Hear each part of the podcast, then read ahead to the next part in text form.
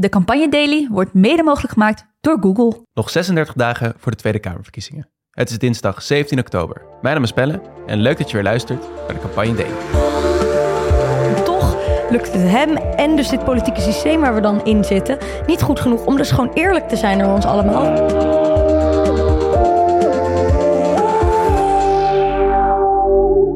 Ja, goedemiddag bij deze dinsdagaflevering van de Campagne Daily. Ik zit hier weer met Bram Vesten. Bram, welkom terug. Ja, goedemiddag.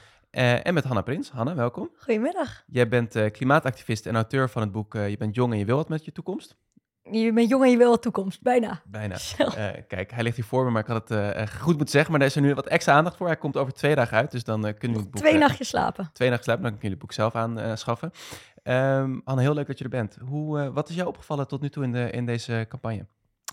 Ehm, nou, ik heb het gevoel alsof de campagne zelf nog niet echt... Het komt nog niet echt op stoom. Terwijl ik denk, hallo, we hebben nog maar 36, dagen. dagen. Ja, dus het moet wel nu een beetje gebeuren. Maar wat me wel opviel en wat me wel is bijgebleven... is dat ik vorige week bij Bernie Sanders was. De senator uit Amerika die mee heeft gedaan aan de Amerikaanse presidentsverkiezingen. Die ik ook toen ik de BKB Academie heb gedaan heb ontmoet. En met je de hand heb geschud. In Amerika heb je hem gezien Ja, en toen heb ik daarna een dag mijn handen niet gewassen, omdat ik alleen maar zat, wow, I touched Bernie Sanders. Anyway, nu was hij in Nederland om zijn boek te promoten. En toen vroeg iemand in de zaal van, hoe krijgen we nou jongeren mee met de politiek en met campagnes en met dat ze op eh, linkse partijen stemmen. En toen zei hij, hou het gewoon bij de issues. Daar gaat het om. Wat belangrijk is, daar hebben wij het over.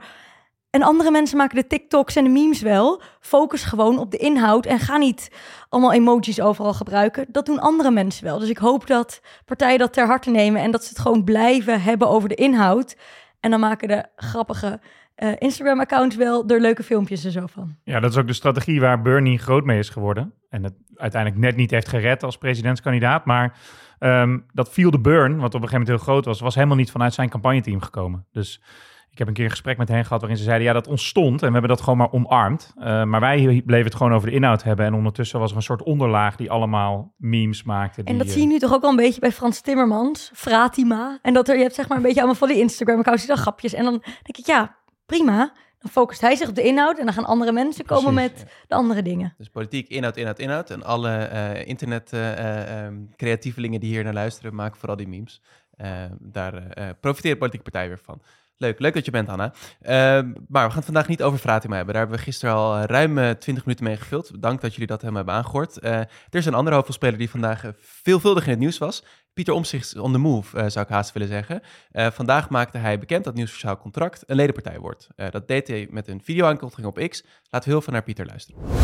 Sluit je aan bij onze beweging en dan zorgen we samen voor verandering in Nederland. Bij Nieuw Sociaal Contract richten we ons op de inhoud en geloven we in kennisdeling. Of je nou met de voet in de klei staat of hoogleraar bent. Wij geloven dat we met elkaar meer weten en samen tot gemeenschappelijke oplossingen kunnen komen voor onze problemen. Als lid ben je betrokken bij de koers van de partij. Door mee te praten en te stemmen. Ook komen we in het land en online bij elkaar om kennis te delen. Onze vereniging is een beweging die zich niet alleen in Den Haag afspeelt, maar in heel Nederland. Ja, best een eh, lange en eh, zakelijke eh, aankondiging, zoals we dat gewend zijn eh, bij Pieter Omzicht en Nieuw Sociaal Contract. Ja, ziet er lekker snel in elkaar geflanst uit ook. eh, met die muziek die op een gegeven moment zo wegvalt. Ja. Maar eh, Ik ben ook benieuwd hoe je een hele ledenpartij gaat kunnen optuigen in Ja, dat is best wel een operatie waar je gaan waagt, maar dat is het hele politieke project natuurlijk rondom Nieuw Sociaal Contract. Is het een logische stap eigenlijk om van Omzicht om nu een ledenpartij te gaan worden? ja, ik denk, ik denk het wel. Omtzigt, eh, wat hij natuurlijk ook doet, is even de, de, de oorlogskas eh, proberen te spekken nog voor de verkiezingen. Ja, het kost 24 euro per jaar om lid te worden van Ja, Nieuw Sociaal Contract. En in principe, iedereen die zich nu aanmeldt natuurlijk, betekent gewoon weer 24 euro die je kan spenderen aan je campagne, aan posters of aan het inkopen van advertenties. Zijn er nog andere voordelen aan het zijn van een of het worden van een ledenpartij? Nou ja, het is natuurlijk wel zo dat eh, Wilders natuurlijk altijd het, het verwijt krijgt dat het geen democratische partij is, eh, terwijl... eh, ja, PV heeft maar één lid. Dat heeft maar één lid. Dus die, die stelt in zijn eentje de, de lijst vast in het programma. Ik denk Omtzigt, die natuurlijk voor democratische vernieuwing en de democratie hoog in het vaandel heeft. Als je dan een partij hebt waarin eigenlijk eh, heel onduidelijk is hoe beslissingen worden gevormd, dat je misschien ook wel een soort democratische structuur wil hebben, waarin leden ook mee kunnen stemmen over de koers van de partij. Wil daar wel bij zeggen dat voor deze verkiezingen gaat dat allemaal niet zo'n rol meer spelen. Dus voordat dat helemaal eh, de- dat eerste ledencongres eh, georganiseerd kan worden, dat ga je natuurlijk nooit meer op poten krijgen. Dus het zal ook vooral voor de toekomst een move zijn. Ja, in het politieke project draait het tot nu toe heel veel om Pieter Omzicht. we weten ook nog steeds niet wat zijn verkiezingsprogramma precies is. Daar wachten we nog steeds op. Dat lijkt voor 1 november te komen. Maar door het optuigen van zo'n ledenstructuur krijg je ook opeens allemaal actieve leden die dingen gaan vinden van, eh van Omzicht en, en zijn plannen. Het is ook wel een hele discussie die je dan als eh, partij binnenhoudt. Nou, volgens mij zijn de mensen die omzicht leuk vinden, vinden hem ook meteen geweldig. En ja, ik heb altijd het gevoel alsof heel veel mensen die hem dan leuk vinden ook denken van... hij kan nooit iets verkeerds doen. Hij is Ja. alles. Hij waar, is waar de word enige je nu lid van is. ook, hè? Eigenlijk word je een beetje lid van de Omzicht Fanclub op dit moment, Ja. toch? Eh, het is een soort van, ja, word, word lid van mijn beweging. Je weet niet wat voor een programma je hierbij aansluit, eh, waar de partij precies voor staat. Dus Nee, maar goed, je weet natuurlijk wel ongeveer. Je kan Ja, je ook altijd wel weer refer- uitschrijven. Een referentiekader inderdaad. Ehm, tot slot misschien hierover. Er komt ook een eh jongerenafdeling eh, van een nieuw sociaal contract. Eh kondigt die aan. Eh, nog niet duidelijk wanneer, maar eh, even hoe, eh, hoe zouden jullie die noemen? Jongeren voor omzicht? eh, nou, dat lijkt me een beetje een rare titel. Ehm, misschien, eh, ja, Omzicht Juniors? Ik heb geen idee eigenlijk. We waren net al een beetje aan het brainstormen. Wat was het nou? Kinderen van omzicht, kinderen voor omzicht. Nou, ik hoop dat de eh campagnes tegen van een nieuw sociaal contract sneller op eh, betere namen komen dan wij hier. Maar we gaan het in de gaten houden. Ehm, dit was niet het enige omzichtnieuws. Ehm hij zat gisteravond namelijk ook in Radar, een consumentenprogramma op NPO 2. Eh, dat ging over een best technisch onderwerp. Eh, de prijs van gas is de afgelopen maanden flink gedaald. Eh, maar er valt iets op. De prijs voor de gas op de beurs staat veel harder dan dat wij als consument nog betalen. Nou, daar mocht Omzicht over komen vertellen bij Antoinette Herzenberg. Ja, wat voor, wat voor interview was dat? Wat, waren jullie, wat viel jullie op eraan? Ja, ik denk voor hem heel fijn om juist op zo'n technisch onderwerp bevraagd te worden. En niet over het conflict in Israël-Palestina of eh, de oorlog in Oekraïne of vluchtelingenstromen. Maar dat hij gewoon even kon doen waar hij goed in is. Gewoon de cijfers. Bestaanszekerheid. Bestaanszekerheid, ja. Eh, zoals we hier al zeiden, in, in, in, in de week dat het net weer kouder wordt, dat iedereen weer zijn verwarming begint aan te zetten, kan hij praten over de hoge gasprijzen. Ja, dat is natuurlijk ideaal en een heel mooi podium voor hem om, eh, om, om daarover te laten zien dat hij die inhoud heel erg hanteert. Ja, want Hanna, je ziet dat veel andere hoofdrolspelers tijdens de campagne opschuiven, aanschuiven bij op één. Eh, nou, daar zijn ze echt niet weg te slaan. Snap je dat Pieter Omzicht echt nadrukkelijk voor zo'n programma als Radar kiest? Kijk, ik denk dat het goed is. In campagnetijd wil je natuurlijk alles pakken wat je kan pakken. En dan vooral dingen die je ook niet schaden. En jij vertelde net dat er bijna een miljoen mensen naar kijken. En het is ook nog eens een programma waar zo weinig discussie, weet je wel?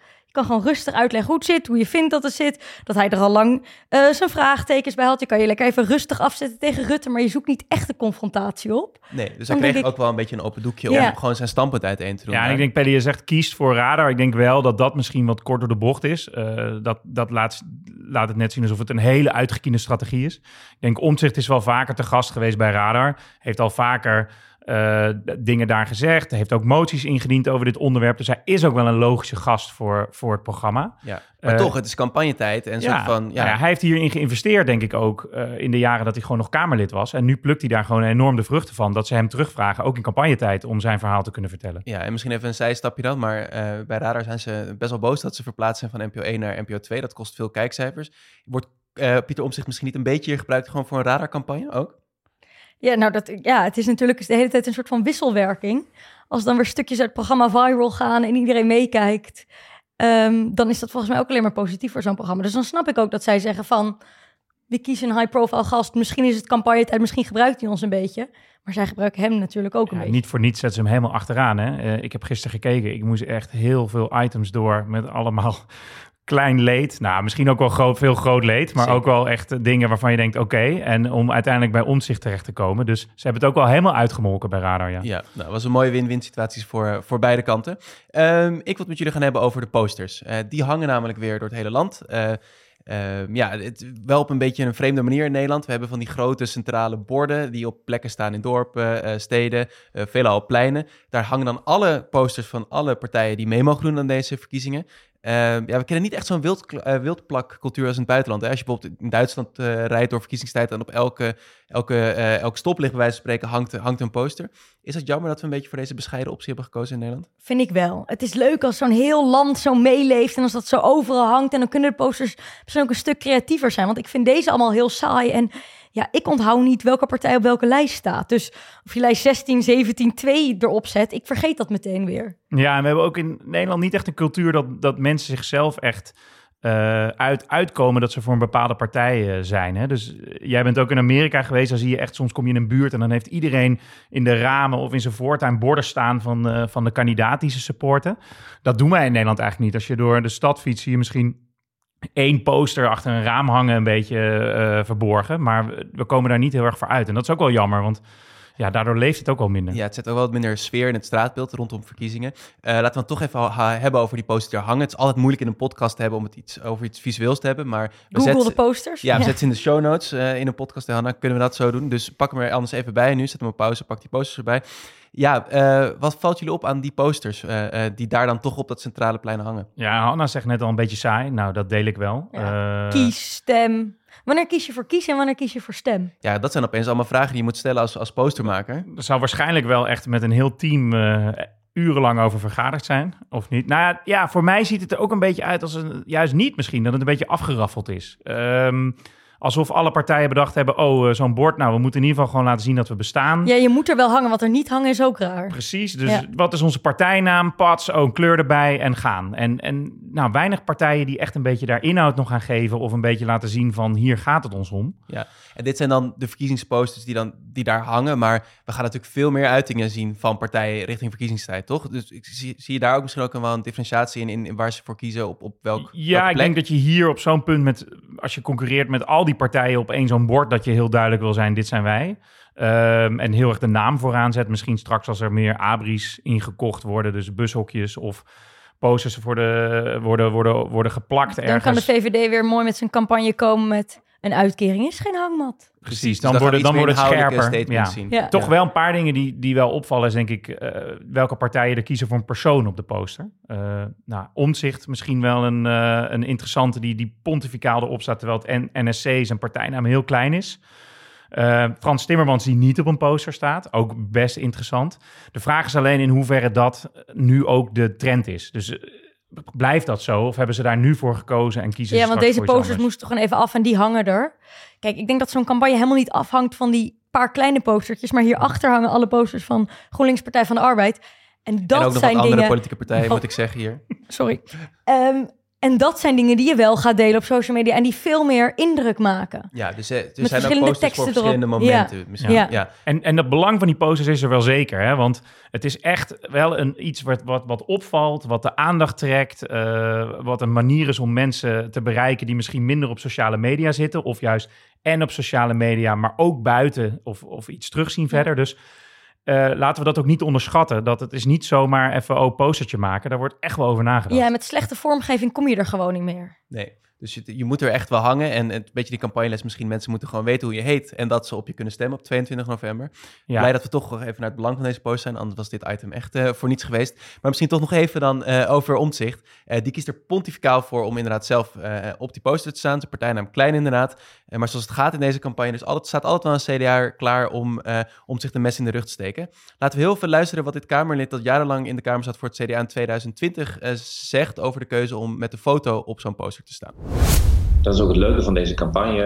Elke journalist vraagt: plush, poppetjes, wil je met je kop op de poster? Antwoord nee. Ik heb veel liever posters waarop staat hoe onze ideeën zijn, hoe we woningen gaan bouwen, hoe we ervoor zorgen dat die overheid weer scheelt voor de zwakkeren is. Dat vind ik veel, maar dan ook veel belangrijker dan, eh, dan die andere vragen. Dat is nog wel een beetje flauw misschien om te laten luisteren, maar eh, om zich lijkt hier niet naar zijn eigen les te luisteren. Nee, en ik denk dat zijn team ook heeft gezegd van ja, allemaal leuk dat het over de inhoud moet gaan. Maar, er is nog eh, geen inhoud, dus het moet dus wel om jou kop gaan. maar, ja. Dan maar die kop. We gaan eh, afwachten tot die inhoud komt. Eh 1 november, we zijn inmiddels van omzicht gewend dat hij wel iets, eh, dat hij iets eerder komt met de dingen dan hij belooft. Dus eh, gaan we het vast nog over hebben in deze podcast. Tot slot, we hebben Hanna hier te gast. eh, dus ik zou het graag met je nog even willen hebben over klimaat en eh, de rol dat het eh, onderwerp speelt in deze verkiezingscampagne. Eerder in deze podcast hadden we het daarover met Jurgen van den Berg, directeur van Burgerbeweging Groene Zaak. Die merkte op van, hey, blijft eigenlijk best wel stil op dit onderwerp. Partijen durven dat niet te claimen. Ehm gisteren zat eh Gert-Jan Zegers, oud eh, lijsttrekker en leider van de ChristenUnie bij Galit en Sophie. En ja, die stipt het wel aan op een opmerkelijke manier. Laten we heel veel luisteren. Het is een heel groot thema, maar het is, ja, ik denk dat onze levensstijl, onze manier van leven, dat dat echt uiteindelijk, dat wij daar zelf aan onderdoor gaan, maar dat ook de planeet, de schepping eraan onderdoor gaat. Dat onze economie zoals die nu is ingericht, dat dat gewoon niet houdbaar is. Uh, daar voer ik uh, gesprek over en dat raakt me heel erg. Het is echt grote nieuwe, ja. grote nieuwe antwoorden op hele grote vragen. Dat was een flinke tip van de sluier. Dankjewel.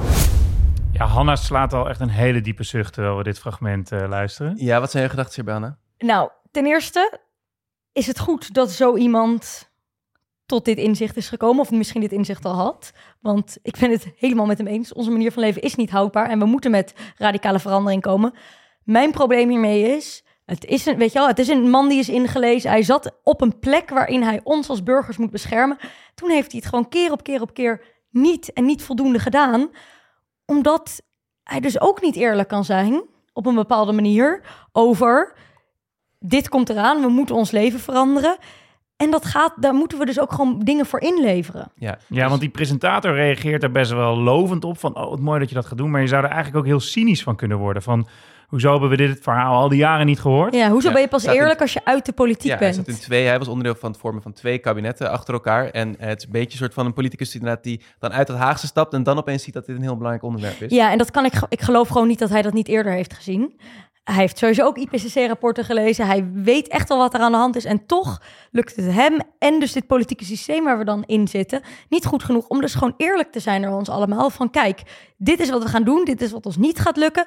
Dit is wat we wel gaan kunnen beschermen. En dit zijn de dingen die we gaan kwijtraken.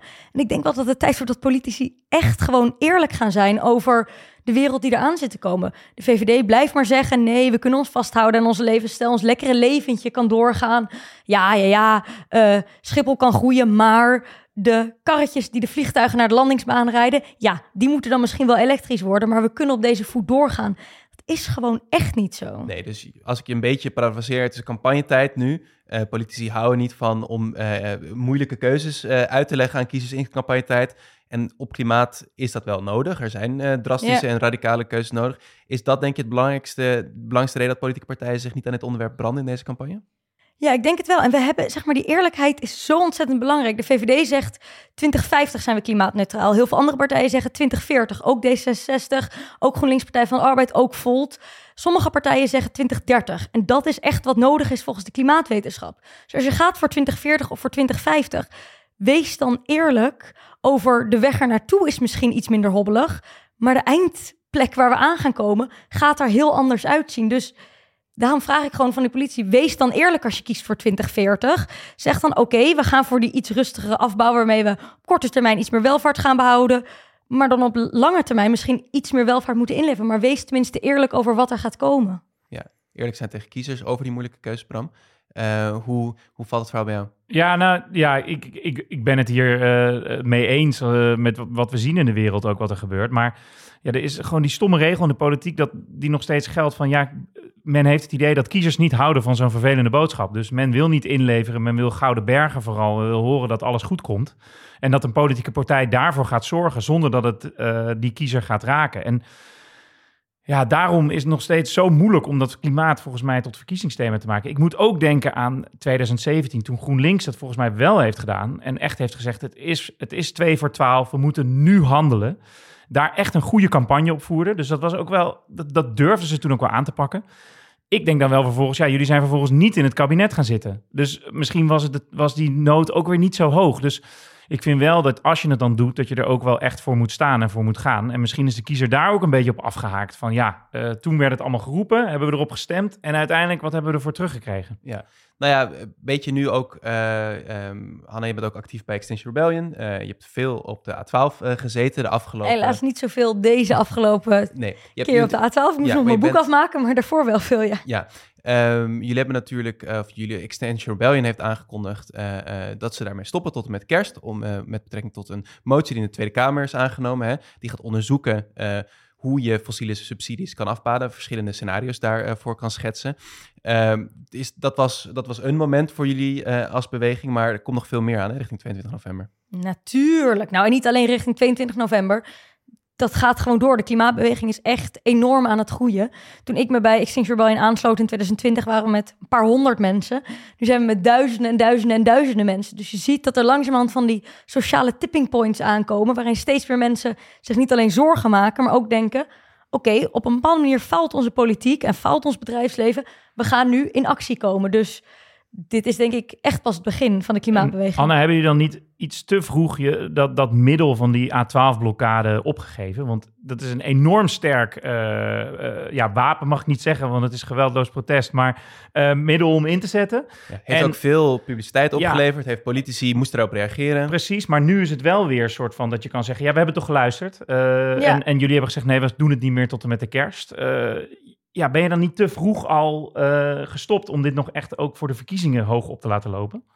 Nou, ik denk dat we. Het was gewoon toen nodig om naar de A12 toe, toe te gaan. Dat hebben we gewoon volgehouden totdat er een motie is waarin er echt serieus onderzoek komt. Dus op dit gebied zijn we nu eventjes klaar, nemen we eventjes rust. Maar er zijn, het is niet alsof als de fossiele subsidies zijn afgeschaft, dat het dan al opeens wel goed gaat. Er is nog echt genoeg om voor de straat op te gaan. Genoeg bedrijven om aan te pakken, genoeg extreem vervuilende ba- banken. Dus ehm, ik denk dat de A12 gewoon letterlijk een soort van een makkelijke stap was voor veel mensen. Omdat je eerst kan komen kijken en dan de weg op kan stappen. En ik denk dat nu met deze vernieuwde grotere slagkracht... ehm, dat er richting 22 november en ook ver daarna... het klimaat hoog op de agenda wordt gezet door de hele klimaatbeweging. Ja. En eh, 12 november is daar natuurlijk een belangrijk moment voor. Een Ja. grote klimaatmars. eh, Hier in Amsterdam. Hier in Amsterdam. Ben erbij. Nou, heb je die oproep nog eh, even kunnen doen? Ben erbij en koop het boek. Ehm, dan zijn we er eh, voor vandaag. Eh, dank allebei dat jullie wilden aanschuiven. Bram, leuk dat je er was. Hanna, heel leuk dat jij er was. Heb je misschien nog een luister, lees of volgtip voor luisteraars die denken van... nou, wat, wat leest of doet Hanna Prins in aanloop naar 20 Ehm, november? ja, zeker. Mijn grote, grote voorbeeld is een witte man van 82, Bernie Sanders. Ah, is toch weer nog een keer genoemd? Hij moet nog een keer genoemd. Ja, hij was in Nederland. Dat was een groot moment voor mij. Zijn nieuwe boek, Het is oké om kwaad te zijn op het kapitalisme, ben ik nu aan het lezen. En eh, ja, hij zegt, ik word ouder en ik word alleen maar bozer. Ja. En dan denk ik, dat is wat we nodig hebben. We moeten allemaal, als we ouder worden, nog bozer worden. Nog boos worden. Nou, met die eh, stichtelijke woorden sluiten we deze podcast af. Heel leuk dat je luisterde. Eh, morgen zijn we er weer. Gewone tijd, 4 uur in je favoriete podcast app. Luister, deel en abonneer. En tot morgen.